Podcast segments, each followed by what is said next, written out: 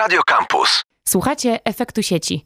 Przy mikrofonie Justyna Pokojska, a dziś zajmiemy się blockchainami i technologią, która popularyzowana jest jako ta najbardziej demokratyczna, najbardziej zdecentralizowana i najbardziej dostępna dla wszystkich. O tym, czy to prawda i czy te mity krążące wokół blockchaina są jakkolwiek zgodne z rzeczywistością, opowie nam dzisiaj ekspert od blockchaina, bitcoinów i wszelkiego rodzaju technologii zaawansowanych w sieci, Łukasz Jonak, analityk Delabu. Cześć Łukasz. E, dzień dobry, cześć.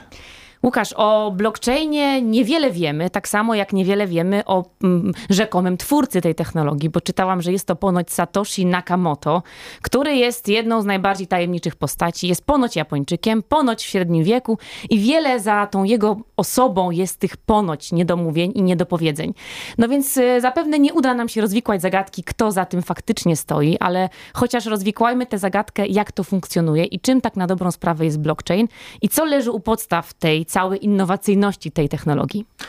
Tak, tak. O, o Satoshim może lepiej nawet nie zaczynać mówić, bo nie mamy żadnych szans, e, żeby dowiedzieć się, kim on jest, bo bardzo dużo osób próbowało i nikomu się nie udało e, zbliżyć nawet do, do rozwiązania tej zagadki. Natomiast o, warto o, o, samym blockchainie i o jego realizacjach rzeczywiście opowiedzieć. I e, jednym sposobem mówienia o tym, czym jest. E, czym jest blockchain, e, to, to opowiedzenie o tym, co, co on produkuje, co on, co, co on daje. Więc to jest taki mechanizm, który ma umożliwić nam wyprodukowanie swego rodzaju takiego wspólnego mianownika, tego, na co się umówiliśmy, pewnej wiedzy, pewnego zaufania, e, pewnej prawdy, na, na którą się umówiliśmy, niezależnie od tego, czy ufamy ludziom, którzy, e, którzy wraz z nami e, w ramach tego, tego, tego, tego systemu funkcjonują, czy nie. Możemy ich nie znać, ale ponieważ wiemy, jak system funkcjonuje, więc jesteśmy w stanie być pewni, że, że, że to, co w tym systemie jest zapisane, w tej takiej rozproszonej bazie danych jest zapisane, jest, e, jest wspólne dla nas wszystkich. To jest, to jest coś, co produkuje pewien rodzaj wiedzy wspólnej, um, dzielonej przez wszystkich. E, teraz jak to działa? Możemy opowiedzieć sobie w ten sposób o blockchainie, że to jest pewien rodzaj gry. Twórcy blockchaina e, zapraszają nas do gry, w której coś można zyskać, w której coś można stracić. Mówią w ten sposób: zapraszamy was do takiej gry, do której najpierw musicie coś włożyć. Musicie, musicie zaryzykować swoją własną skórą. To jest to angielskie skin in the game. Musicie coś zainwestować. Jeżeli to zainwestujecie, jeżeli zainwestujecie coś w, tą, w, tę, w, tę, w tę grę, to możecie zacząć grać. Jeżeli będziecie grać zgodnie z zasadami, to zyskacie e, w tej grze coś, co będzie e, wartość, która jest większa niż ta wartość, którą włożyliście. Jeżeli, jeżeli sprze, e, sprzeniewierzycie się tym zasadom tej gry, no to, to, to wtedy stracicie to, coście włożyli. Więc jest założenie o tym, że ludzie są racjonalni, że będą działali zgodnie ze swoim, ze swoim interesem. Zgodnie z tym założeniem, jeżeli ktoś już wejdzie do tej gry, to to, to będzie działał zgodnie z zasadami tej gry, e, zyska coś, ale przy okazji e, ten system działający zgodnie z tymi zasadami, ta gra wygeneruje właśnie to, o czym mówiliśmy przed momentem na początku, czyli ten, ten wspólny mianownik wiedzy, ten wspólny mianownik pewności, że wszyscy wiemy to samo i się na to zgodziliśmy i, i że to jest bezpieczne i że nie można tego podmienić, że tych informacji, e, jeżeli tych informacji, które mamy w tym systemie nie można, nie można zmienić. No dobra, I teraz, jakie ale być konkretnie, no mhm. właśnie, tak, bo tak. mówimy o dosyć tak, abstrakcyjnej tak, idei współtworzenia. Z... Co ja wyciągam jako użytkownik z tak. takiego blockchainu? Zejdźmy, zejdźmy trochę właśnie do, do, do, konkretów, czyli taką wiedzą w takim w tym podstawowym, stworzonym właśnie przez Satoshego E, blockchainie, czyli w bitcoinie, jest po prostu informacja, kto ma ile pieniędzy i kto komu przesłał ile pieniędzy. Jest cała ta historia tych transakcji. E, I to, co jest oczywiście bardzo ważne, to jest to, że ona jest przechowywana w sposób zdecentralizowany, to znaczy e, nie ma jednej centralnej instytucji albo jednej osoby, która, która miałaby władzę nad tymi zapisami. To znaczy, rzeczywiście e, jest tak, że, że żadna jedna konkretna, e, konkretna osoba, instytucja nie jest w stanie zmienić tych zapisów. E, ta, te zapisy są, są właściwością całej sieci, rozproszonej sieci tej, tej blockchainowej. Czyli tak naprawdę mamy tutaj do czynienia w tym konkretnej realizacji, w tej pierwszej realizacji z systemem finansowym, który nie polega, który, który, który jest utrzymywany nie przez jakiś bank, prywatny, centralny, nie przez centralną instytucję, tylko przez rozproszoną sieć, która jest bardzo bezpieczna, która jest, co do której mamy pewność, co do której mamy zaufanie, nie, bez konieczności ufania konkretnym osobom, które, które tworzą jak gdyby tę sieć. No dobrze, a co w takim razie jest walutą w tej wymianie? Bo mówisz o e, transakcjach finansowych, ale rozumiem, że to nie jest taki pieniądz, jaki my e, znamy z naszego świata poza blockchainowego. Co jest tą walutą wymiany, czy też tą wartością dodaną, którą na przykład mhm. ostatecznie można wypłacić, jeżeli w ogóle można to wypłacić, z tego łańcucha transakcji? No, tą walutą jest coś, co się nazywa bitcoin, czyli, czyli pewien zapis w tej, w tej rozproszonej księdze przychodów, rozchodów, który, e, który ma pewną wartość w, w naszych walutach e, tradycyjnych, czyli w dolarze, w euro, w złotówce.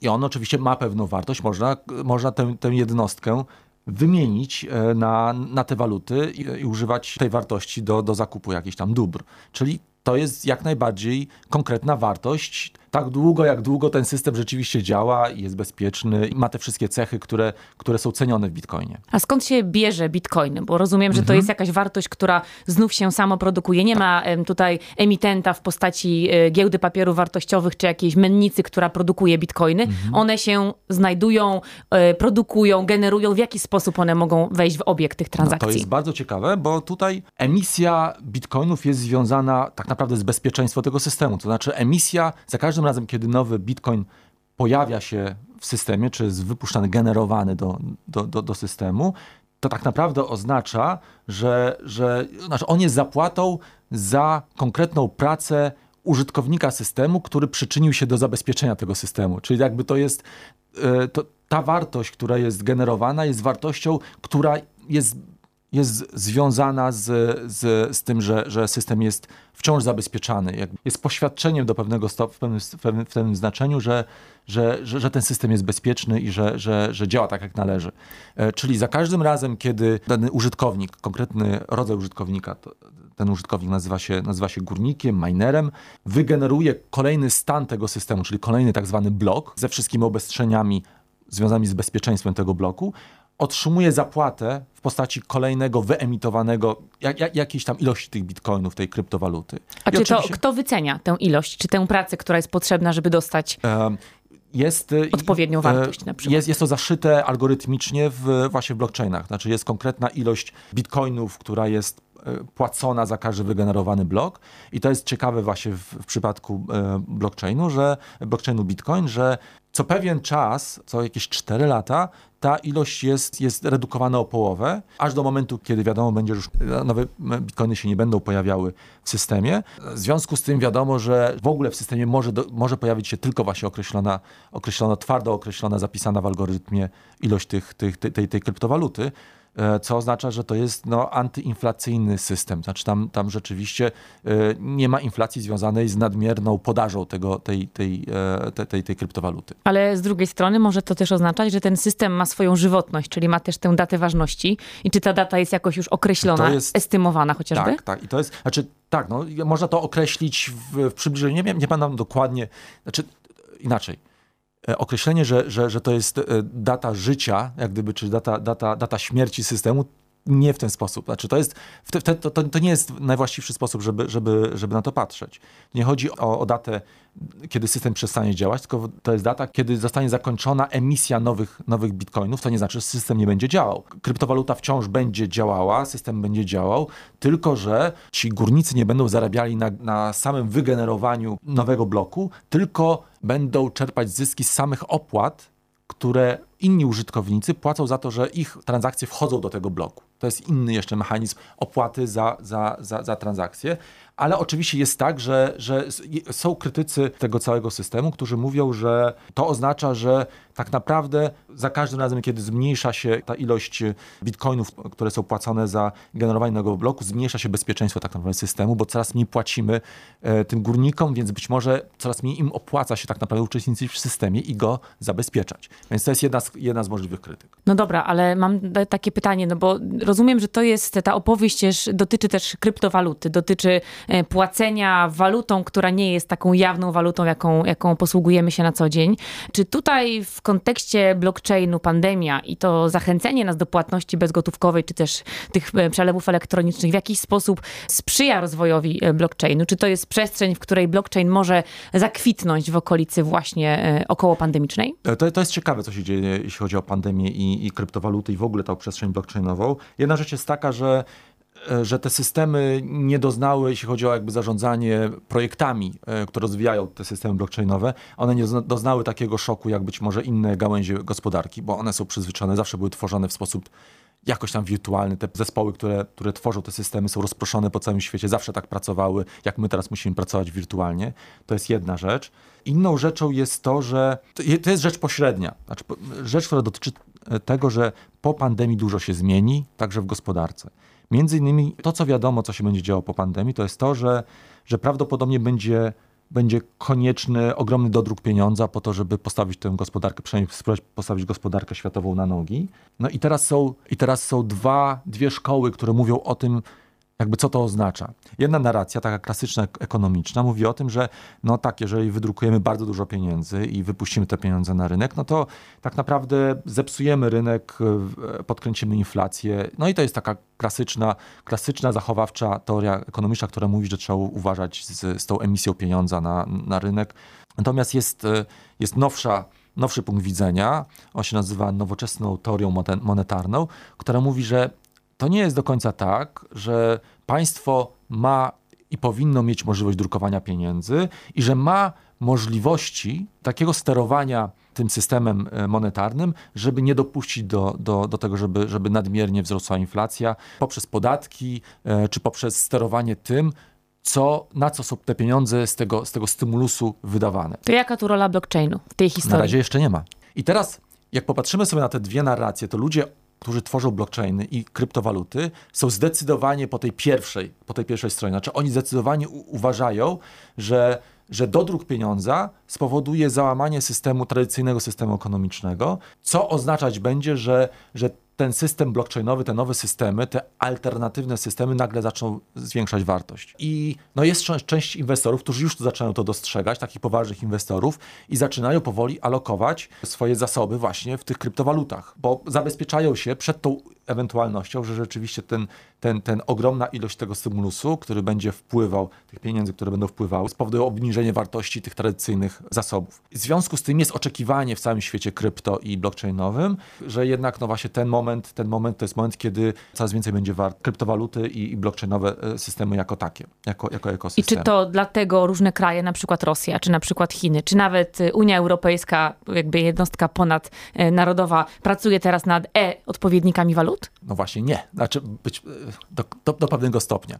Bo to jest odpowiedź chyba na problemy tej drugiej strony, która mówi, że państwo powinno mieć możliwość drukowania pieniędzy i że to nie, to nie jest tak, że to drukowanie nie skończy się tak bardzo katastroficznie, jak, to, jak mówią klasyczni ekonomiści. Ale żeby rzeczywiście tak mogło być, żeby rzeczywiście państwo mogło efektywnie generować, sterować rynkiem i tą interakcją pomiędzy podażą pieniądza a tym, jak on jest wydawany, to muszą być nowe mechanizmy monetarne, nowe mechanizmy ekonomiczne i trzeba je wymyślić od nowa i stworzenie waluty cyfrowej, cyfrowej państwowej waluty, która ma podobne cechy do programowalnych walut cyfrowych, kryptowalut, ma pozwolić na lepszą kontrolę tego, co się z tymi pieniędzmi, z tym podażą pieniądza dzieje. No bo pomyślmy sobie teraz tak, jeżeli ktoś dostaje w tym momencie pieniądze, gotówkę taką powiedzmy papierową, czy może nie tak bardzo elektroniczną jak krypto, e, kryptogotówka, co taką osobę powstrzyma przed tym, żeby te pieniądze włożyć gdzieś do, skarpety, albo kupić złoto, albo kupić bitcoiny na przykład, czy ether. Takie pieniądze, które ktoś dostanie, ale je gdzieś przerzuci w jakieś środ trwałe, pewne środki e, przechowywania wartości, one nie będą pracować dla gospodarki, nie, nie, nie pomogą jej E, podnieść się po, po, tej, po tej katastrofie pandemicznej. Więc państwo musi mieć jakiś sposób na to, żeby sterować i żeby pozwolić na pewien sposób wydawania pieniędzy, a inny sposób jakiś zablokować i być może te nowe cyfrowe waluty będą miały takie cechy, które pozwolą państwu lepiej kontrolować, na co na przykład te ogromne pieniądze ze stymulusu będą wydawane, na co będą mogły być wydawane, a na co nie. To jest warunek do tego, żeby ta nowa teoria monetarna mogła być przekuta w w praktykę. To Łukasz, pytanie creme de la creme, takie pytanie klasyczne. Po co to wszystko? Rozumiem grę, rozumiem taki e, fetysz informatyków do tego, żeby produkować, wydobywać i generować wartości w sieci, które służą wspólnemu dobru, ale dla takiego użytkownika, który niekoniecznie jest e, zaawansowany, czy też dla osoby, która nie do końca te wszystkie niuansy łapie, po co nam blockchain i czy istnieje jakaś funkcjonalność społeczna e, takich technologii, albo czy do czegoś nam się to może przydać w świecie, który widzimy za oknem? To jest dla mnie najciekawsze pytanie tak naprawdę, bo mówiliśmy o, ekonomii tak naprawdę, a oboje zawsze jesteśmy socjologami, więc, więc to jest bardziej socjologiczne pytanie. No i to jest rzeczywiście, to jest, e, to jest kolejny sposób na, na poszukiwanie mechanizmów jak najbardziej efektywnych i, i sprawiedliwych mechanizmów e, koordynacji ludzi, tworzenia fundowania dóbr publicznych, które są tak naprawdę istotą cywilizacji, istotą społeczeństwa, sposobem na, na, na wspólne działanie, Pieniądze są takim, takim jednym z ważniejszych i jednym z naj, naj, najbardziej efektywnych sposobów koordynacji między ludźmi, ale chodzi o to, żeby je wynaleźć na nowo, bo to, to co obserwujemy w tym momencie i widzimy to dookoła w różnych miejscach na świecie, że no jest kryzys instytucji, jest kryzys sposobu zarządzania państwami, społecznościami, społeczeństwami. I tak naprawdę jeżeli przyjrzymy się blockchainom, niekoniecznie samym kryptowalutom, chociaż one są być może najważniejszym elementem w tym momencie tego całego ekosystemu, to jest sposób na, na poszukiwanie nowych, lepszych mechanizmów koordynacji ludzi i budowania dóbr publicznych, bezpieczeństwa dla wszystkich. I to jest bardzo idealistyczne, ale ludzie, którzy siedzą w tym długo i którzy od dłuższego czasu budują te systemy, już to jest że to jest coś, co, co wykracza daleko poza same pieniądze, kryptowaluty, że to jest dużo, dużo więcej. To jeszcze ostatnie pytanie na koniec. Wiem, że śledzisz giełdy i śledzisz e, stawki i kursy walut. Ile teraz jest warty Bitcoin? Mamy drugą połowę listopada 2020. E, ile? Szczerze mówiąc, nie wiem do końca ile. Z tego co wiem, to między 17 tysięcy a 20 tysięcy dolarów, ale tak jak mówię, dla mnie ta wartość chwilowa w danym momencie nie jest tak istotna, jak to, czy tym ludziom, którzy od lat siedzą i kodują te systemy i którzy budują systemy społeczne dookoła tego i społeczności, czy im się rzeczywiście uda zbudować rzeczywiście dobre systemy governance, które rzeczywiście coś dostarczą, e, dostarczą jakość dla nas wszystkich, dla całej reszty, jakąś wartość, która przełoży się na, lepsze, na lepszą jakość życia. Łukasz, bardzo Ci dziękuję za tę opowieść, opowieść o blockchainie jako um, technologii bardzo demokratycznej. To, co wynikało z Twoich słów, to taka wiara w tę wspólnotowość e, e technologiczną e, blockchaina i, i, i tych łańcuchów, które współtworzymy wszyscy razem. Wiemy, ile to kosztuje, wiemy, ile na tym można zarobić. No nie pozostaje nam nic innego, jak sięgnąć do tych e, e, rozmaitych technologii. Teraz być może ktoś z nas, ktoś ze słuchaczy będzie gotów wejść w tą grę, o której opowiedziałeś. A naszym gościem był dzisiaj Łukasz Jonak, socjolog, analityk Delabu, ekspert od blockchainów i bitcoinów, o czym Państwo się przekonaliście. Dziękuję Łukasz za tę rozmowę. Dziękuję uprzejmie. I słyszymy się w kolejnym odcinku Efektu Sieci. Efekt Sieci. Tu Campus.